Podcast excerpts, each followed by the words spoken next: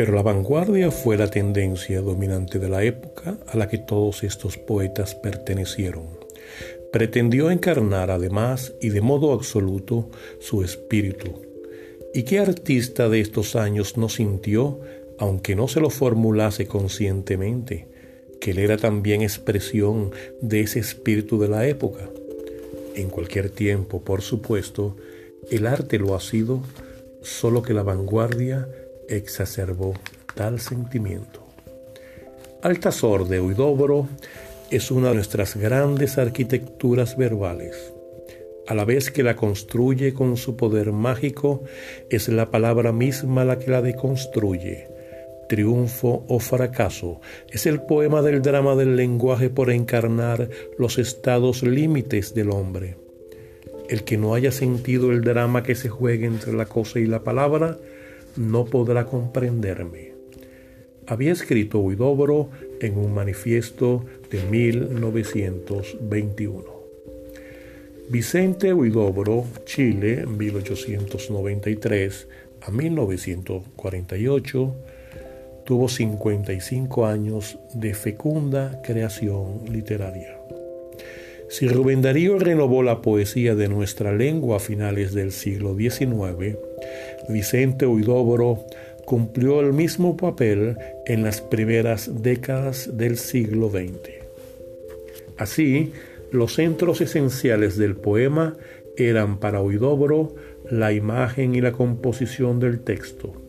La imagen concebida como una relación sorprendente entre los elementos más distantes entre sí.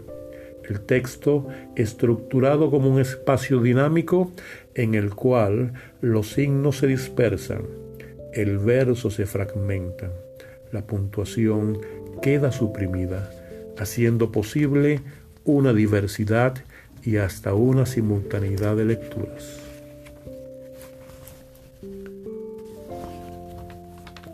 El primer deber del poeta es crear, el segundo es crear, el tercero es crear. Esto había dicho Huidobro en una de sus conferencias de 1916. De ahí que el movimiento que inició en nuestra lengua fuese bautizado con el nombre de creacionismo, que él mismo aceptó. Bastaría reunir algunas de sus frases de sus diversos manifiestos para comprender el sentido de esta denominación. Helas aquí. Hemos cantado a la naturaleza, cosa que ella misma bien poco le importa. Nunca hemos creado realidades propias, como ella lo hace o lo hizo en tiempos pasados, cuando era joven y llena de impulsos creadores. Crear un poema sacando de la vida sus motivos y transformándolos para darles una vida nueva e independiente. Nada anecdótico ni descriptivo la emoción debe nacer de la sola virtud creadora. Hacer un poema como la naturaleza hace un árbol. Inventar consiste en que las cosas que se hallan paralelas en el espacio se encuentren en el tiempo o viceversa, y que al unirse muestren un hecho nuevo.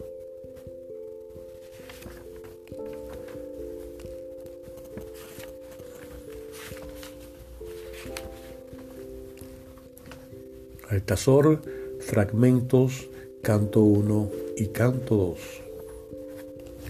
Mas no temas de mí que mi lenguaje es otro.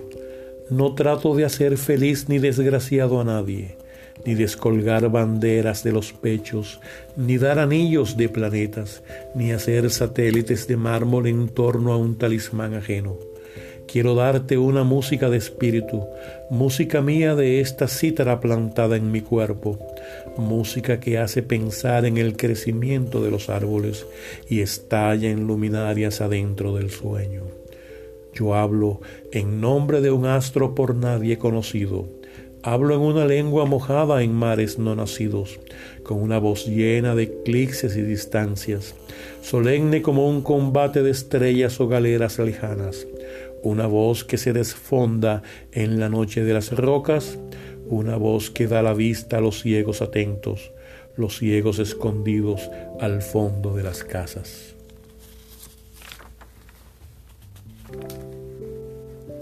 Al irte dejas una estrella en tu sitio, dejas caer tus luces como el barco que pasa mientras te sigue mi canto embrujado, como una serpiente fiel y melancólica, y tú vuelves la cabeza detrás de algún astro. ¿Qué combate se libra en el espacio?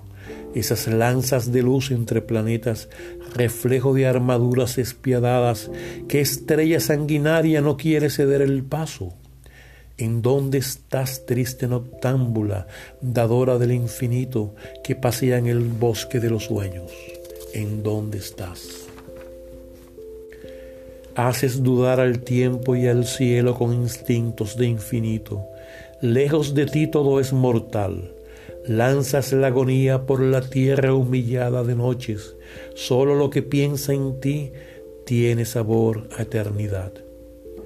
He aquí tu estrella que pasa, con tu respiración de fatigas lejanas, con tus gestos y tu modo de andar, con el espacio magnetizado que te saluda, que nos separa con lenguas de noche. Sin embargo, te advierto que estamos cosidos a la misma estrella, estamos cosidos por la misma música tendida, de uno a otro, por la misma sombra gigante agitada como árbol. Seamos ese pedazo de cielo, ese trozo en que pasa la aventura misteriosa, la aventura del planeta que estalla en pétalos de sueño. ¿Qué me importan los signos de la noche y la raíz y el eco funerario que tengan en mi pecho? ¿Qué me importa el enigma luminoso, los emblemas que alumbran el azar y esas islas que viajan por el caos sin destino a mis ojos? ¿Qué me importa ese miedo de flor en el vacío? ¿Qué me importa el nombre de la nada, el nombre del desierto infinito o de la voluntad o del azar que representan? Y si en este desierto cada estrella es un deseo de oasis o banderas de presagio y de muerte. Tengo esa voz tuya para toda defensa, esa voz que sale de ti en latidos de corazón, esa voz en que cae la eternidad y se rompe en pedazos de esferas fosforescentes. ¿Qué sería la vida si no hubieras nacido? Un cometa sin mano muriéndose de frío, te hallé como una lágrima en un libro olvidado, con tu nombre sensible desde antes en mi pecho. Tu nombre hecho del ruido de palomas que se vuelan, traes en ti el recuerdo de otras vidas más altas. Sueño en un sueño sumergido, la cabellera que se ata hace el día, la cabellera al desatarse hace la noche. La vida se contempla en el olvido, solo viven tus ojos en el mundo. El único sistema planetario sin fatiga, serena piel anclada en las alturas, ajena a toda red y estratagema, en su fuerza de luz ensimismada. Detrás de ti la vida siente miedo, porque eres la profundidad de toda cosa. El mundo deviene majestuoso cuando pasas. Se oyen caer lágrimas del cielo y borras en el alma adormecida la amargura de ser vivo. Se hace liviano el orbe en las espaldas.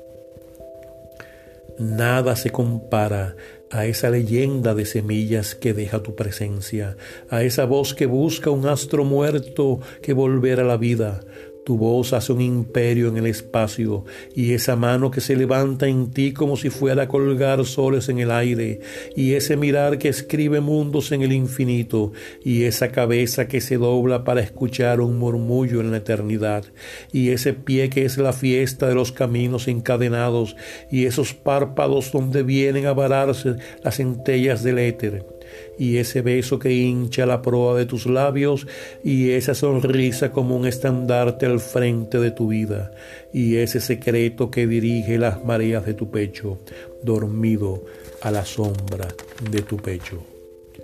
Si tú murieras, las estrellas a pesar de su lámpara encendida perderían el camino. ¿Qué sería del universo?